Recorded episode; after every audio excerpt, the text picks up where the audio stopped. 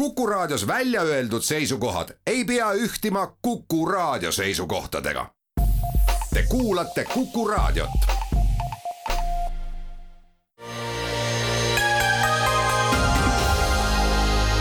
poliitikakuru. poliitikakuru. tervist, alustame saatega ja võib nüüd küll juba tõdeda, et jõuluaeg on käes, kõik kohad on täis väga ootamatult sadanud lund. Ja minul kodus käivad äh, väga visalt äh, regulaarselt igal öösel päkapikud äh, susse täitmas, aga tundub, et poliitikutel muidugi on veel suuremad sussid kui lihtsatel valijatel ja osadele tublimatele poliitikutele tuuakse ju pakki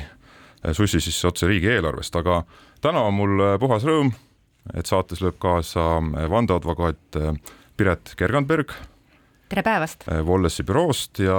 ja saates löövad kaasa ka poliitikakuru toimetajad eh, Andres Kaju. tere! ja Tõnis Leht. millest räägime, räägime eh, riigieelarvega seonduvast, räägime elektrist varustuskindluse nurga alt, räägime loomulikult ka Nursipalust ja küllap veel ühest ja teisest teemast, aga alustame siis riigieelarvega seonduvaga sel kolmapäeval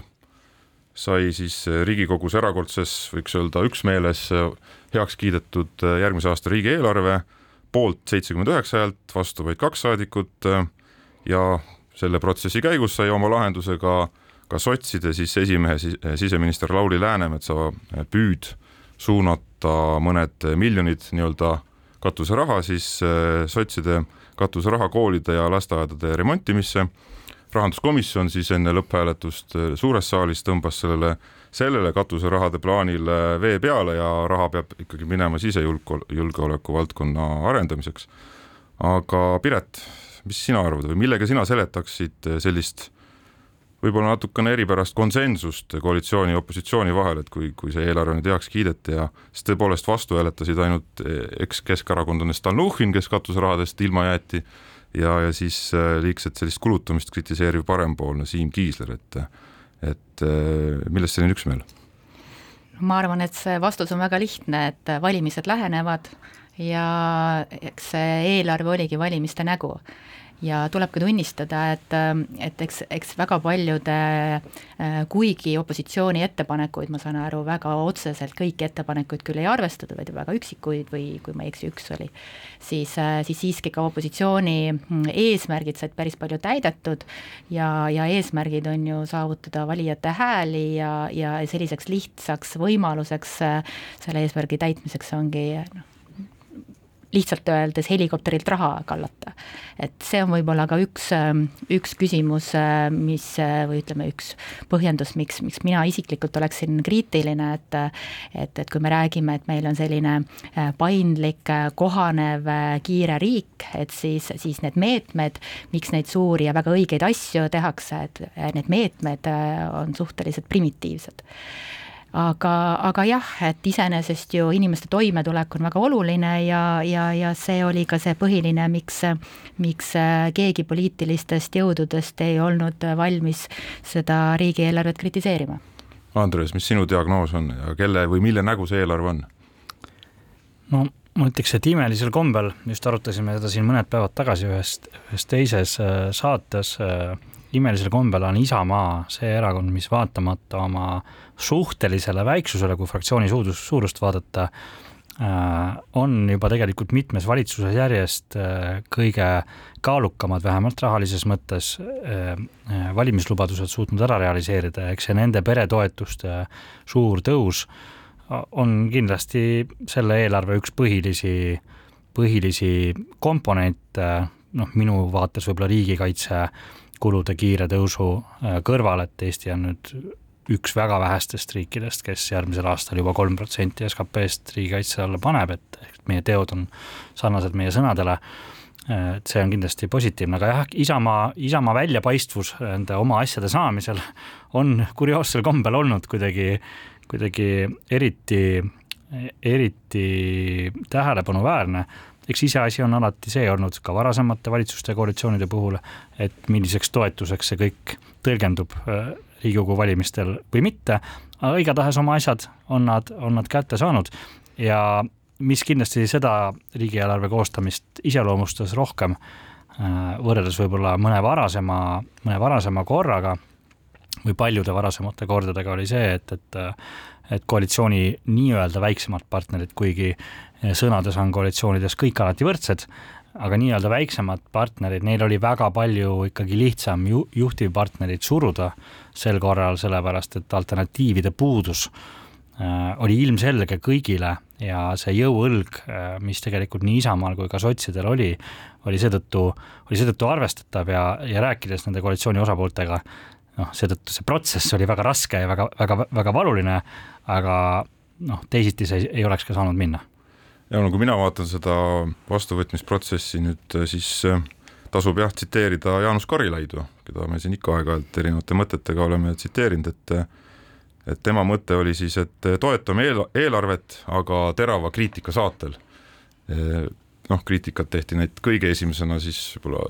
neljarealiste maanteede aeglase ehitamise suunas näiteks, aga aga jah, tõepoolest, kuna siin on eelarves on äh, rida toetusi, uusi äh, skeeme, ka vanade tõstmist, on palgatõuse avalikus sektoris mitmes suunas, äh, kaitsekulusid Andres mainis. tegelikult ka kõrghariduse tõus, et ma ise pean siin ütlema, olen töötanud koos rektorite nõukoguga selles samas teemas ja rektoritel oli kindlasti väga hea meel näha seda viieteist protsendist kõrghariduse Äh,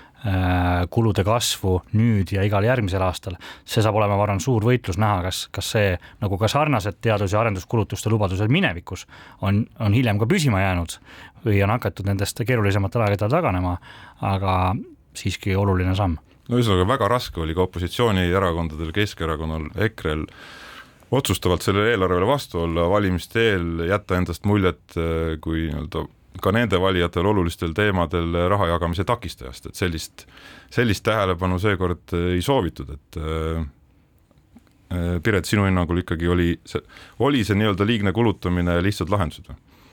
jaa, minu arvates küll, et, et see on paraku olnud ju mitte ainult äh, nüüd täna, vaid, vaid viimane kümme-viisteist aastat vähemalt, kus, kus äh, tihtipeale need lihtsad lahendused äh, saavad otsustavaks, et et võib-olla natukene näide teisest valdkonnast, et kui me, kui me räägime siin nüüd sellest energiakriisist ja, ja sellest noh, ühest suurest põhjusest, et Eestis ei ole sellesse valdkonda investeeritud, siis kui me vaatame kümmekond aastat tagasi, et, et oli, oli erasektoril arendajatel oli valmidus investeerida, olid äh, kõik äh, nii-öelda tuuleparkide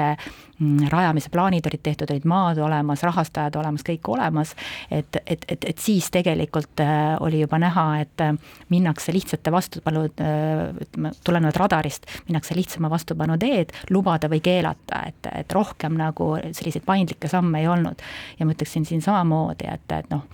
see kriitika ongi olnud see, et noh, näiteks seesama lastetoetus, väga keeruline on, on öelda, et et lastega peredel ei, ei ole neid toetusi vaja, küll aga on tunduvalt vähem olnud sellest juttu, et et, et mis on siis eesmärk, eesmärk on ju see, et lapsed saaksid sellest, sellest rahast osa, et et miks, miks ei suunata neid kulutusi või, või neid rahasummasid rohkem noh, näiteks huviharidusse, näiteks koolitoitu, ehk siis selle asemel, et anda konkreetne rahasumma iga, igale lapsevanemale kätte. Äh, selle asemel võiks teha neid sihtotstarbelisi kulutusi sinna, kuhu, kuhu need, need rahad peaksid minema. ehk siis jah, et, et ma oleksin ka kriitiline, äh, kriitiline võib-olla nende lihtsate lahenduste osas, et äh, mis, mis ei pruugi täita eesmärki aga seda viimast nädalat ja eelmist nädalat on tegelikult riigieelarve ümber iseloomustanud siis nõndanimetatud katuserahade või ministeeriumite katuserahade märksõna äh, nii Isamaa äh, on siis eelarvesse sisse äh, kirjutanud oma ministrite kaudu endaga ütleme sõbralikus suhtes olevatele ütleme kodanikuühiskonna organisatsioonidele tervele peotäiele suurusjärgus miljoni eraldamist ja aga, aga veel enam oli avalikkuses hambus sotsid, esimees siseminister Lauri Läänemetsaga eesotsas, seoses sellega, et siis püüti suunata äh, koalitsioonis kokku lepitud äh, ütleme, rahapotti äh, mitme,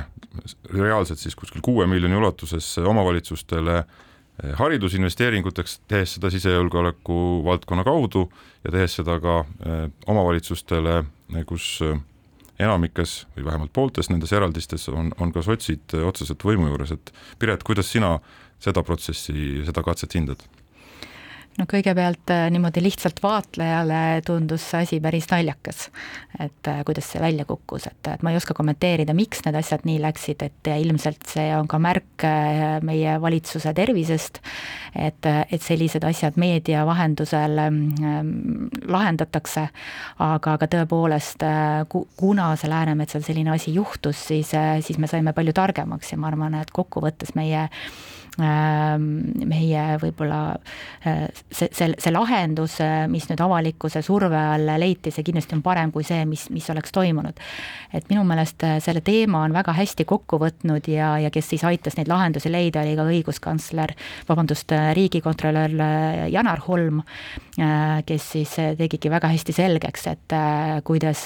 siis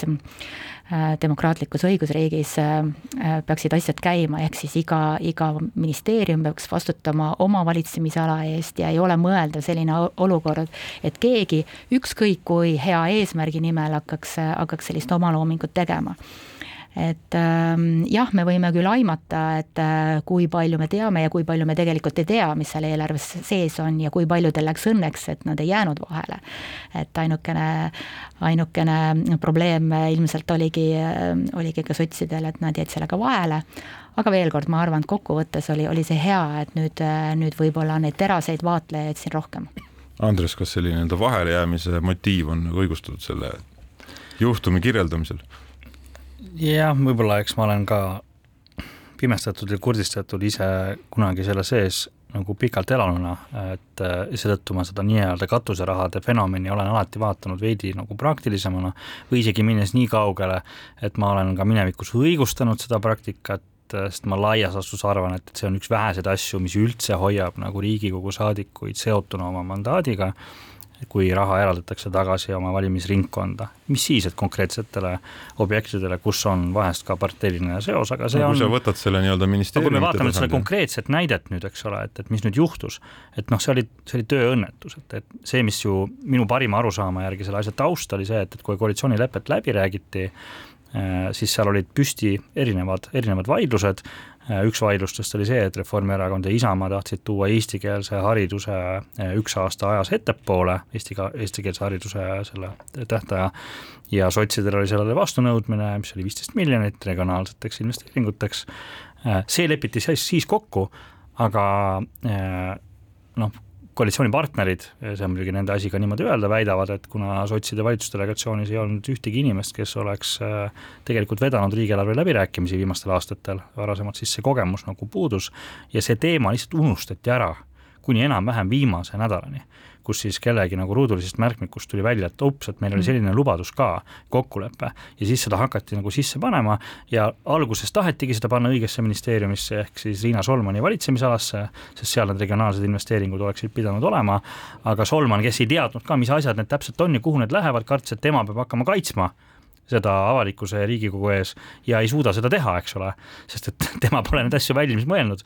neid objekte. ja siis tekkiski niisugune imelik seis, et need olid seal siseministeeriumi real ja sellest, sellest siis nagu kogu see, kogu see jama sündis, et, et see on äh, minu jaoks selles mõttes paigutub rohkem nagu, nagu tööõnnetuseks, seda raha ka sotsidelt ära ei võetud ja Läänemets nüüd tõesti, nagu Tõnis, sa ütlesid, peab lihtsalt leidma investeeringutoetusteks mitte investeeringuteks, need on kaks erinevat asja, investeeringuid peab andma riigieelarvelistele asutustele, aga investeeringutoetuseid saab anda ka äh, eraõiguslikele partneritele, mittetulundusühingutele, aga noh, seekord nad peavad tulema siis sisejulgeoleku valdkonnast. ehk siis tõenäoliselt kohalikud päästeorganisatsioonid ja, ja muud taolised, kellel on nüüd loota siis äh, riigieelarvest äh, väiksele abile ma mõnes mõttes olen sinuga nõus, et, et loomulikult äh, see, kuidas on poliitika oma mandaadiga seotud, jah, see on see, ütleme, vanas klassikalises mõttes katuserahade jagamine, mis äh, tuleb tunnistada, on vägagi läbipaistev praegu. küll aga, aga selline olukord, kus äh, veel kord, väga oluline eesmärk on regionaalareng ja kõik nii edasi ja, ja ka viisteist miljonit sinna või, või ükskõik kui palju miljonit, kindlasti väga õige. aga et kuidas valitakse need projektid, kes siis, keda toetatakse, et noh, et koer on tegelikult maetud sinna. et kas see see on konkreetne lasteaed või on see mingisugused projektid, et kui me räägime ikkagi maksumaksja raha kasutamisest, siis ei saa see toimuda muul viisil kui avaliku konkursi alusel. kõigil peab olema võimalik sinna teha oma ettepanekuid ja, ja see valik, kuidas seda tehakse, peab toimuma ikkagi kohases menetluses, mitte niimoodi, et üks, üks minister või, või ministeerium, vahet ei ole, kas ta on riigihaldusminister või on ta, või on ta siseminister, sellest tegelikult ei olegi tähtsust, küsimus on selles protsessis, kuidas valitakse need, kes raha saavad. Ma olen sellega muidugi päri, et ideaalis tahaks selles osas teistsugust läbipaistvust ja võrdsetel alustel konkureerimist ja kandideerimist ja nii edasi, aga mulle endale meenub alati nende, nende arutelude juures, kus ma ka ise kindlasti olen hoidnud Piretiga sarnast seisukohta, lihtsalt meenub see, et, et, et väga palju suuremaid kulusid Äh, teeme me riigieelarves või ka jooksvat aastatel hoopis teistel alustel, et anname sadu miljoneid laene paremale ja vasakule ettevõtetele, teeme miljardilisi projekte ja otsuseid suhteliselt vaba käega tulenevalt üldistest avalikest huvidest või poliitilistest prioriteetidest, et et mida ma tahan öelda, on see, et ega jah, me peame liikuma alati selle poole ja pidama silmas neid väärtusi, millest Piret räägib, aga meil ei ole võimalik ka neid protsesse depolitiseerida, et valimistel on tagajärjed, parasjagu on keegi koalitsioonis ja noh, eh, see ei tähenda, et me peaksime tolereerima korruptsiooni. Eh, aga, aga meil ei ole võimalik ka täielikult depolitiseerida seda nagu maksuraha ümberjagamise protsessi, protsessi ka. no eks kõige mitte. suurem tuumprobleem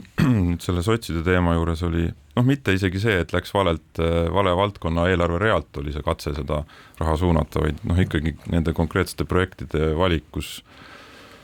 suurusjärg üle tosinkonna projekti, nendest siis pooled põhimõtteliselt ikkagi omavalitsustele või need toetused, kus on sotsid otseselt äh, võimul ja, ja sealt nagu võrdusmärki ära võtta valimiste, valimiskampaania ja nende eraldiste vahelt on, on nagu tegelikult võimatu ja ja noh, eks see katse läks nüüd nurja, tuleb jagada teistele äh, Päästeameti depoodele ja muudele nii-öelda sisejulgeoleku teemadele päriselt, aga noh, Isamaa, Isamaa see äh, miljonike jäi ikkagi eelarvesse sisse ja noh, loomulikult on potentsiaalselt palju suuremaid numbreid, kus on mingi poliitiline motivatsioon taga olnud, aga noh, need paistavad välja ja need on otseselt siiski suunatud sellele, et, et et oma partei toetust siis kas otse valijate silmis või, või endale oluliste ringkondade silmis äh, tugevdada enne valimisi, see, see on ikkagi probleem, aga teeme siinkohal väikse pausi. poliitikakuru. poliitikakuru oleme eetris tagasi, stuudios äh, Piret Kergandberg, äh, Andres Kaju ja Tõnis Leht ja võtame nüüd ette Nursipalu Äh, harjutusväljaku laiendamise teema, see ei ole ilmselgelt läinud äh, libedalt seni ja ei saa kindlasti ka äh, ülemäära sujuvalt edaspidi edenema, vähemalt ühiskondliku ja poliitilise sellise resonantsi mõttes. ja selle harjutusväljaku vastastel või selle laiendamise vastastel, kes on teinud rahvaalgatuse, sellel on nüüd juba üle kümne tuhande allkirja, ka kohalikud kogukonna liikmed on äh, üha enam äh, hakanud organiseeruma, pidanud äh, selliseid koosolekuid ja arutanud, kuidas seda teemat vastustada või pidurdada, aga tundub, et ka valimiskampaania ja parteipoliitika on, on sellesse iseenesest oma olemuselt eeskätt julgeoleku küsimus, hambad võiks öelda suurema isuga sisse löönud, ehk et väga kriitiliste sõnavõttudega Nursipalu teemal on sel nädalal esinenud äh, nii Martin Helme kui, kui võib-olla kraad lahjemalt ka, ka Jüri Ratas, et Piret, kuidas sina hindad, et kuidas see protsess seni juhitud on ja kuidas ta kulgenud on, et ja, ja kas, kas on oht, et see nüüd on, saab valimiskampaania osaks tugevalt? Selles ma olen kindel, et see teema saab valimiste eelselt väga palju tähelepanu ja kindlasti valimiskampaania osaks. minul tegelikult juristina on, on väga lihtne seda teemat äh, enda poolt analüüsida ja vaadata. Äh, nimelt on olemas teatud reeglid, mida tuleb järgida, kui selliseid asju tehakse ja need reeglid peaksid kehtima ka riigile et äh, see on kokkuvõtlikult äh, see, kuidas tuleks seda asja lahendada, ehk siis kui on ette nähtud, kuidas selliseid suuri, suuri projekte tehakse, selleks on ette nähtud planeeringumenetlus, kus siis toimub avalikkuse kaasamine, seisukohtade esitamine, toimub kaalumine ja, ja kõige parema asukoha väljaselgitamine, siis, siis täna me loeme seda, et pigem tegeletakse sellega, et kuidas leida erandit, et neid menetlusi mitte läbi viia. ja seal ongi küsimus, et ja mille pärast ma arvan, et kohalikud on ka ja mitte ainult kohalikud on ka väga üles ärritunud, on see, et äh, tundub, et äh, seda mm, konkreetset harjutusväljakut püütakse kuidagi teha kulisside taga ja läbipaistmatult kui, kui siin ka on öeldud, et see teema ei ole uus, et on juba aastaid teatud, et, et see Nursipalu harjutusväljak tuleb laiendada siis oleks olnud ka piisavalt aega, et kõik need menetlused läbi viia. et see ei ole kindlasti õigustus täna, et hakatakse siis mingi, mingi erandi alusel äh, otsima siis ilma planeeringuta neid lahendusi. aga see... sa näed, et, et Ukraina sõda, julgeolekuolukorra nii-öelda järsk teravnemine ei saa olla see nii-öelda faktor, mis, mis neid erandeid õigustab ja ma arvan küll, et, et see teema, et, et vajatakse seda Nursipalu väljaku laiendamist, see ei saanud tekkida nüüd viimase üheksa kuu või kümne kuu äh, jooksul. et see kindlasti, see teadmine ja, ja see pikk vaade oleks pidanud olema ministeeriumil ka varem. Äh, et, et neid protsesse oleks pidanud alustama aastaid tagasi, kui praegu me oleme selles olukorras, siis, siis äh, tulebki leida lahendused, et kui neid asju ei ole tehtud varem jah, mul on siin jälle isiklik puutumus, et olgu see öeldud, ma töötasin kaks tuhat seitse kuni kaks tuhat üheksa aastal Kaitseministeeriumis ja Nursipalu oli ka siis koos teiste harjutusväljakutega kogu aeg päevakorral, sest Nursipalut on kasutatud õppusteks äh, tegelikult moel või teisel või kaitseväe otstarbeks äh, kogu taasiseseisvusaja ja loomulikult seal, kus on kaitsevägi, seal, kus on laskemoon, kus on plahvatused, kus on suured masinad, seal on müra, seal on pöördumatu kahju või vahel pöördumatu, vahel tagasipööratav kahju looduskeskkonnale, äh, seal on inimlikud hirmud nii irratsionaalsed kui ka ratsionaalsed seoses inimestele kuuluva kinnisvara väärtusega ja selle, selle oodatava väärtusega, eriti, eriti tulevikus, et need on kõik arusaadavad teemad, mis alati igal pool maailmas käivad selliste objektidega, objektidega kaasas. mina olen muidugi isiklikult loomulikult alati selle julgeolekupoliitiliste kaalutluste poole kaldu äh,, isegi kui ma ilmavaateliselt muidu olen selgelt selle eraomandi puutumatuse äh, seotud äh, nagu põhi, põhiõiguste, põhivabaduste vankumatu kaitse. minu vaade selles mõttes on lihtne, et nii, nagu mina olen aru saanud, Äh, seal on kakskümmend üks konkreetset kinnistu omanikku, need on, äh, osade peal on eluhooned, need on erinevas seisus, erineva väärtusega, asi, mida ei saa hinnata alati objektiivselt, on emotsionaalne väärtus, eriti kui tegemist on koduga, Eestis on ette nähtud nagu võimalused, kuidas selliseid läbirääkimisi on võimalik pidada, minu ettepanek alati on äh, valitsusele ja, ja Kaitseministeeriumile äh, olla seaduses ette nähtud piirides helde sellistel juhtudel. Äh, sellepärast, et äh, ja seetõttu ma olen nagu Piretiga muidugi sama meelt, et tuleb äh, lähtuda seadusest ja seda peab Kaitseministeerium ka silmas pidama, küllap nad seda ka, seda ka teevad, aga võrreldes ka teiste suurte avaliku taristu objektidega, kus see protsess on igal pool sarnane, kõiksugu petitsioonid ja kõik, mis aset leiavad, on ainult tegelikult pöördumatu ja taga, ja, ja kindla la, juba langetatud otsuse Äh, venitamise iseloomuga, need kunagi seda ei suuda tegelikult takistada, päeva lõpuks on seal küsimus selles, et, et see, mida on võimalik rahas hüvitada, seda tuleb ka teha, tuleb teha selgelt ja tuleb teha seaduses ette nähtud äh, äh, võimalusi kasutades maksimaalselt heldelt, kus see on põhjendatud, aga mul ei ole mingeid illusioone selles suhtes, et, et, et täiendavate protsessikihtide noh, sama teema nagu nende tuuleparkide tuulearendustega, et nende protsessikihtide peale, peale joonistamine nagu täiendavat äh, avalikku hüve enam, enam, enam toodaks, et äh, aga see on võib-olla selline mitte, mitteõiguslik äh, vaade. Piret, kas üks lahendus saab olla siin ka see, et ka nii-öelda seadusandlikku baasi selle protsessi käigus nüüd kiiresti muudetakse, et, et sellist kaitseotstarbelist erandit saaks äh, no ütleme, selle jaoks on küll äh, seadusepügal muudetud, aga et, et, äh, et kui ei saa äh, kaitseotstarbelist erandit kasutada nüüd selle harjutusvälja laiendamiseks, et siis sellisel juhul muudetakse kiires tempos kogu seda nii-öelda eriplaneeringu või planeeringuprotsessi muudetakse seda lühemaks, et, et kasutada juba, juba, juba selle käiva protsessi jaoks nii-öelda uut, muudetud seadust praegu seoses. teine tegelikult, vabandust, teine nii-öelda täiend oleks siis võib-olla ka muuta neid paragrahve, mis võimaldavad maksta inimestele suuremat summat kompensatsiooniks, kui võib-olla hetkel on iseenesest on see mõistlik ja praegu käib kogu planeeringu menetluse ülevaatamine, revisjon, et leida neid äh, ajalise kokkuhoiu kohti.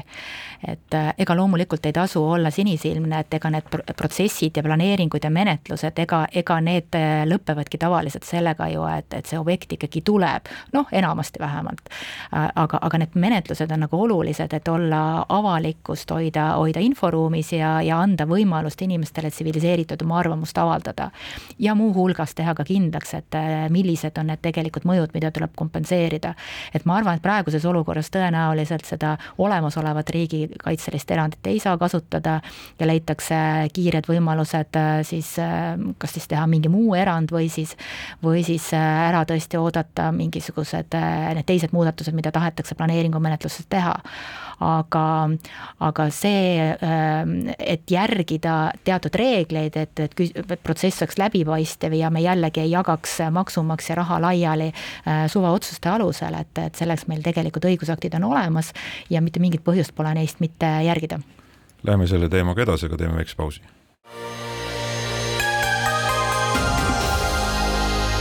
poliitikakuru poliitikakuru jätkame saatega stuudios eh, Piret Kergandberg, Andreas Kaju ja Tõnis Leht ja Nursipalu temaatika juurde jäime pidama. Eh, võib tõdeda, et poliitilised kraadid on selle julgeoleku siis eh, pudru valmistamisel hakanud tõusma. sel kolmapäeval Vikerraadios võtsid sõna nii, nii Martin Helme kui Jüri Ratas. Helme ütles, et siis EKRE juhina, et kogu see Äh, protsess Nursipalu ümber vajab äh, piduri tõmbamist ja, ja tagasikäiku, ehk et Nursipalu sellest asukohast rääkiminegi on vale ja ennatlik, et esmalt peaks üldse avalikkusele tegema selgeks, millised on need riigikaitselised vajadused ja siis alles äh, saaks hakata ka kohta valima ja et RMK-l on tühje metsaalasid küll, kus kilomeetrite kaupa kedagi ei ela ja teiseks ka veel meresuunas on äh, on olemas äh, lasketsoonid, kus siis kaitseväel on ka õigus ja võimalus äh, laskmist harjutada. Jüri Ratas äh, sekundeeris võib-olla pisut pehmemalt, aga, aga ta ütles umbes nii, et et tõsta kakskümmend üks perekonda välja, see ei ole õige, samas on muidugi selge, et koht on vaja leida, keegi ju selle vastu ei ole, aga et kahekümne esimesel sajandil siiski ei ole õige kakskümmend üks peret kodust välja tõsta, kodu on äh, püha ja see küsimus on palju laiem kui ainult, ainult see üks Nursipalu, et ja et, et seal kaitseteemade ümber ei tohiks Ukraina sõja tõttu olla sellist debati ütleme, tabuteemaks kuulutamist, et Andres, mis sinu diagnoos on, et kui oluliseks või nii-öelda, millist potentsiaali see teema valimiskampaanias võib evida? no eks, eks ta ikka omab, et eks ta ikka omab, et see ei ole ju esimene kord, kui, kui, kui selliste ma ei tea, arendus- või ka avaliku taristu objektidega seoses Rail Baltic meenub kõige rohkem, kus on mitu valimistsüklit, on, on seda eh, nii maaomanike vastuseisu kui, kui ka muud sellega seonduvat, aga mõnikord ka mitte seonduvat vastuseisu, suudetud kokku nagu möllida üheks suureks vastuseisuks ja, ja proovitud siis seda angažeerida ühe või teise poliitilise erakonna vankri, vankri taha, eks ole, et, et et ma arvan, et si-, siin on praegu täpselt samamoodi, et, et on, on nende kahekümne ühe kinnistu äh, omanikud, nende pered, nendega, nendega seotud ootused, nende ootused, millest, mis on nagu legitiimsed valdavas osas, eks ole, ja siin on selge ka, mida tõenäoliselt on võimalik teha, et äh, selleks on olemas tööriistad riigil, vajadusel saab neid tööriistu veel parendada äh, läbi õigusloome, aga need, ma arvan, on kõik lahendatavad ja ma usun, et Kaitseministeerium sellega saab ise hakkama. Äh, ka, et, et küsimus on pigem alati selles, et et kas seda suudetakse ehitada suuremaks äh, sümboliks mingisugusest muust poliitilisest probleemist, mida siis äh, mõni opositsioonierakond oma kampaanias oskuslikult ellu viia, viia saab. Ja kui seda kokku panna nüüd sellesama Rail Balticuga näiteks, mis on ka olnud mõne opositsioonierakonna jaoks varasemalt nagu kondiks hambus, et ja võib-olla mõni, mõni muu analoogne näide veel, siis, siis ta mingis mõttes on, on kindlasti kasutatav, aga noh, kindlasti jälle võrreldes sellesama Rail Balticuga on tema kasutusväärtus ikkagi oluliselt väiksem. ma arvan, et eriti praegusel ajal inimesed ikkagi üldiselt sellest ratsionaalsest argumendist saavad aru, et äh, miks on neid harjutusväljakuid vaja ja miks äh, peavad need iga päev praktikas kasutuses olemas, miks on vaja Kaitseväele moona, et kogu aeg harjutada et Kaitseväe juhataja retoorilised oskused selles mõttes on olnud veenvad paljude jaoks, et mi-, mis on äh, mis on see volitus, mida tal on vaja selleks, et täita seda põhilist ülesannet, et meil oma riik nagu äh, maksimaalselt kaua oleks. et seetõttu noh, ma ei näe ka sellel sellist metsikut potentsiaali, eriti arvestades, mis infokeskkonnas me praegu elame. Piret, kas poliitikud peaksid näpud eemal hoidma? Ei, ma arvan, et poliitikud peavadki hoidma näpud seal, kus äh, ja mida inimesed äh, tahavad kuulda ja mis inimesi huvitab, et äh, et see paralleel Rail Balticuga oli, oli õige ja, ja kui, kui kui panna nüüd kaalukausile ja öelda, et kui palju või, või vaadata, kui paljud inimesed on pidanud oma kodud jätma ja peavad oma kodud jätma Rail Balticu tõttu, mis ega me päris täpselt ei tea, kas ja kas üldse ja millal valmis ehitatakse, siis, siis on väga raske nõustuda nüüd sellega, et, et, et kaitseotstarbelise äh, rajatise puhul noh, inimesed selliseid ohvreid ei, ei pea tooma. et nii, nagu Andreas ka ütles, selleks on tööriistad olemas, kuidas nendele inimestele tuleb, tuleb nende kodude kaotus kompenseerida ja, ja need lahendused kindlasti leitakse Äh, vaieldamatult see teema läheb inimestele ühiskonnas korda ja, ja mitte ainult neile, kes siis äh, elavad seal vahetus mõjutsoonis, et äh, olen saanud osaleda, jälgida ühe fookusgrupi uuringu läbiviimisel siin just värskelt mitu erinevat gruppi ja väga erineva taustaga ja elukohaga inimes-, inimesi on koos olnud arutamas ühiskonna teemasid valimiste eel ja, ja see Nursipalu teema on seal alati tulnud suurena üles ja ja noh, eks neid arvamusi on muidugi sotsiaalmeedias ja suures pea, peameedia, voolumeedias ju ka on võimalik kokku rehitseda, aga noh, see pilt, mis sealt nagu avaneb, on ikkagi selline, et teema läheb väga korda, mida lähemal äh, tsoonile äh,, seda kategoorilisem on loomulikult vastuseis, ei usuta, et et äh, nii-öelda kompensatsioonimehhanismid on nagu piisavad ja et see kõik toimub kuidagi läbipaistvalt ja inimestest üle ei rullita. Aga noh, mida kaugemale siis Võrumaalt äh, minna, et siis, siis äh, seda enam domineerib see arusaamine, et et seda on julgeoleku seisukohalt ikkagi tarvis, harjutus, harjutusvõimalus on väga oluline ja ka liitlaste siia saamise jaoks on see oluline, aga sealjuures kõik nagu ikkagi, kes sellel teemal arvasid, et rõhutavad seda, et see kaastunne tegelikult ja mõistmine nende inimeste suhtes, kes kodusid kaotavad, on nagu väga suur ja tahaks kuidagi lahendada seda nii, et see ei tabaks neid, et see tegelikult see läheb väga korda, see nii-öelda kodu kaotuse moment. seetõttu seal on see poliitiline kapital ka peidus. muidugi läheb, aga see, keegi peab nagu hoidma ka seda häält, et üldiselt ei ole võimalik maailmas ei raudteid, lennujaama, kaitseväe harjutusväljakuid, suuri ma maanteid, tuuleparke asju, kus on olemas mingisugune varasem ühiskondlik kokkulepe, et meil on üldistes huvides neid asju väga-väga tarvis, kas või selleks, et oleks elektrit ja oleks sooja ja oleks võimalik kuhugi liikuda ja sealsamas maal elada, et neid asju on vaja teha ja mitte kunagi ei ole seda võimalik teha niimoodi, et keegi ei kannataks, aga selleks peavadki olema need leevendusmeetmed, selleks peavad olema harjutusväljaku puhul need tsiviil-militaarsuhted läbi viidud sellisena, nagu Kaitsevägi tegelikult harjutab harjutuste ajal, kui tehakse kevadtorme ja nii edasi, tsiviil-militaarkomponent on seal eraldi, on sul äh, kaitseväelased, kes on õppinud, äh, välja õppinud seda, kuidas äh, sõjaliste operatsioonide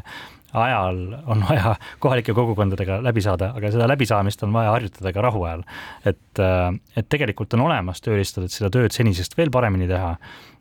seda ka leevendusmeetmete osas, seda nende hüvitiste osas. Ja loodame, et, äh, et seda tehakse ka sel korral parimate oskuste kohaselt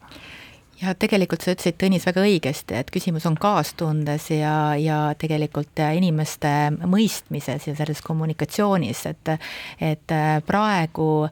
on see, see on küsimus, on päevakorral, on, on, on ajalehtedes, raadios ja nii edasi, et et noh, ma arvan, et ka need inimesed vajavad nende mõistmist rohkem ja, ja seda selgitamist, mis, mis mingil põhjusel on tulnud see, see algatus mitte siis ministeeriumist või, või riigilt, kes tahab midagi teha, vaid ongi olnud riigi tegemata töö siis see, et on inimesed pidanud ise selle probleemi nagu avastama ja siis tulema esimesena välja, esimesena rääkima ja, ja omad, oma teemad avama. et ma arvan, et see üleüldine kommunikatsioon ja nende inimeste mõistmine, lahenduste otsimine, suhtlemine, nii nagu ka tegelikult minister on, on siin erinevates saadetes äh, ka nagu püüdnud teha, et see iseenesest on õige. ühesõnaga, kommunikatsioon on alati ikkagi kõikide asjade äh, probleem, kui see on kehvasti tehtud, aga üks hea kaitseuudis äh, tuli äh, värskelt äh, eile, nimelt kuulsime, et USA on saatmas siis Eestisse lähiajal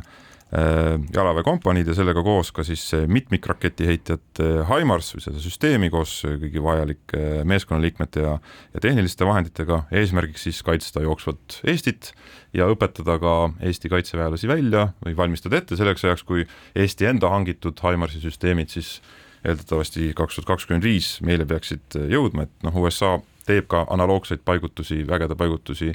ka mujale meiega sarnastesse riikidesse, et see ei olnud ainult Eestisse, aga Andres, kuidas hindad, et kas, kas heidutusega astusime eh, sammu kuhugi kõrgema mäe otsa? no äh, või see on selline lihtsalt see Aimarsi vaimustus? Aimarsi, kui Kaitseministeerium nii ütleb, et see on oluline samm äh, heidutuse tugevdamise osas, siis, siis, siis nii on ja kuna me liigume oma selles äh, ma ei teagi, mis see eestikeelne väljend on, inglise keeles on see defense posture, et kaitseasetuses või kaitsehoiakus liigume sellest, äh, sellest äh, lihtsast heidutusest tõkestusheidutuseni, ehk et meil on, peavad olema ikkagi reaalselt relvastus ja valmidus teha agressorile kõvasti haiget, siis, siis kindlasti sellised kompleksid, aga mitte ainult nende ostmine, vaid äh, juba enne, enne, enne soetust äh, nende kasutamiseks äh, harjutamine koostöös liitlastega on, on hädavajalik ja just siin ju mõned, mõned nädalad või, või kuu tagasi umbes, ma enam peast ei mäletagi, just kirjutati alla kuue HIMARS süsteemi ostmise leping, mille väärtus on seal sadades miljonites, aga suur osa sellest, kui ma nüüd ei eksi, tuleb äkki USA-lise sõjalise riigikaitse abi abist, äh, võib-olla isegi, isegi kaks kolmandikku või kolmveerand, siis tegelikult sellesama äh, soetuse harjutamiseks see kompanii koos äh, mitmikraketiheitjaga siia saabubki. Üldiselt on kaitsepoliitikas on nüüd eriti Ukrainas toimuva sõja valguses on konsensus kõrge, aga kõlavad ju ka hääled, et jah, et ei tohi ka kaitsedebatte panna siis äh, häbimärgistamise alla ka, ka praegust sõjatingimustes, seetõttu on ka erinevaid arvamusi, kõik siiski ütleme, Haimarsi vaimustust ei jaga, et äh, EKRE nimekirjas äh, Riigikokku kandideeriv äh, Varro Vooglaid äh, eile Facebookis siis teatas, et äh, võimalik, et olen mingit laadi puudega, aga minu intuitsioonil rajanev tunnetus on siiski vastupidine üldisele suurele Haimarsi vaimustusele ja sellele, et Eesti selle süsteemi territo-, Eesti territooriumile so-, toomisega meie julgeolek paraneb, pigem äh, on, on siis äh, mul tänaste uudiste pinnalt äh, kõhedam, mitte kindlam tunne, et julgeolekuvarjud muutusid pikemaks ja, ja, ja tumedamaks, ehk et tegelikult arvamusi on, on erinevaid ja, ja ei jagata igal pool ka seda vaimustust Haimarsite suunal, aga teeme väikse pausi.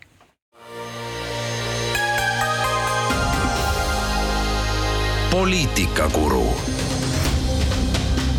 poliitikakuru. jätkame saatega stuudios Andres Kaju, Piret Kergandberg ja Tõnis Leht ja siin saate viimaseks äh, jupikeseks äh, vaatame otsa Eleringi äh, avaldatud Eesti elektrisüsteemi varustuskindluse raportile, sest et tõepoolest viimastel aegadel on selline imelik tunne, kui kord ühes saates vähemalt natukene elektrist või energiast ei räägi, et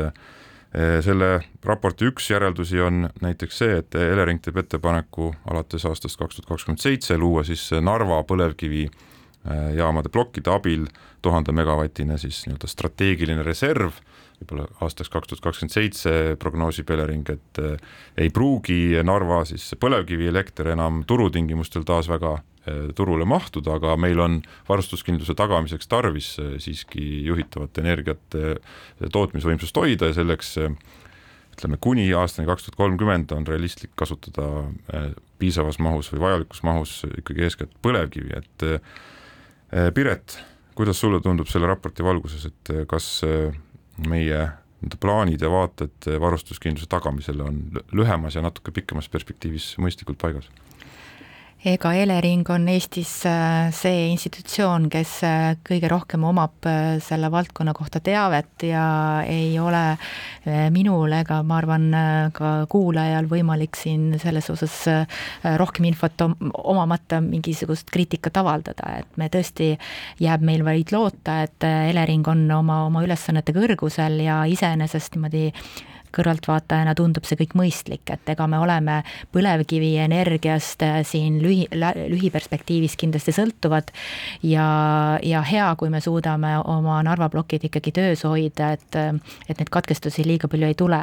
et äh, neid näitajaid, nii nagu ka Elering viitas, et neid, neid probleeme või neid riske, mis võivad varustuskindlust siis või ütleme, varustatust kuidagi halvata mingil ajahetkel, noh neid, neid riske kindlasti on palju no teine perspektiiv on see, et aastaks kaks tuhat kolmkümmend peaks Eesti suutma siis toota taastuvatest allikatest samas mahus, kui me siin oma tipukoormuste ajal tarbime, see ei tähenda, et nagu juhitavaid tootmisvõimsusi peaks olema, aga Andres, kas sa näed, et me liigume selles suunas mõtestatult? no ühelt poolt liigume, aga teiselt poolt ma arvan, iga nagu kaine vaatleja on kergelt äh, hirmunud ikkagi nende viivituste üle, mis seonduvad nii äh, nende avamere tuuleparkide äh, taotluste menetlemisega äh,, olgu need siis nii äh, erasektori suurarendajate poolt sisse antud menetlused ennekõike seal Liivi lahes ja Saaremaa kandis, kuigi kui ka see väga imelik Eesti-Läti ühisprojekt, millest mina isiklikult hästi aru ei saa, et, et mis asi see on ja kellele seda tehakse ja kas mõlemad riigid selle taga enam täna on. ja mida sellest, sellest kõigest, sellest kõigest arvata, et, et ja eriti vaadates muidugi tuleb endale aru anda, et et ma oleks tahtnud kohe öelda, et, et tegelikult mujal maailmas suudetakse neid asju kõiki väga kiiresti teha, aga üldiselt nüüd Covidi ajal on, on nende tuuleparkide arendamine ja olnud probleemiks ka mujal, et need protsessid ei ole nii kiiresti liikunud, kui loogiline mõistus oleks eeldanud just nüüd sel hetkel, kui kõik on aru saanud äh,, kui suur probleem on nagu omaenda tootmisseadmete ja tootmisvõimsuste defitsiit ja mis selle tulemusena nagu poliitiliselt nagu stabiilsuse mõttes ühe riigiga juhtuda, juhtuda võiks. Ja just tänane uudis, kus tuli, et, et Olkiluotos jälle lükatakse edasi tootmise algus veebruarisse, mis võib tähendada meil elektri hinna tõusu, sest defitsiit on suur siis äh, see kõik on, on probleem, ma tahaks näha riigilt kiirust ja julgust ka suures teadmatuses, kus me ei tea, mis tehnoloogiad on meil tulemas, sealhulgas salvestus ja nii edasi, me peame suutma taastuvenergia osas kiiremini otsustada ja mingeid riske siiski ise võtta. Äh, seda nõudlikku pilku me kindlasti siin saadetes hoiame ka edaspidi, aga tänaseks on eetriaeg läbi, olgem tublid ja terved, kohtume nädala pärast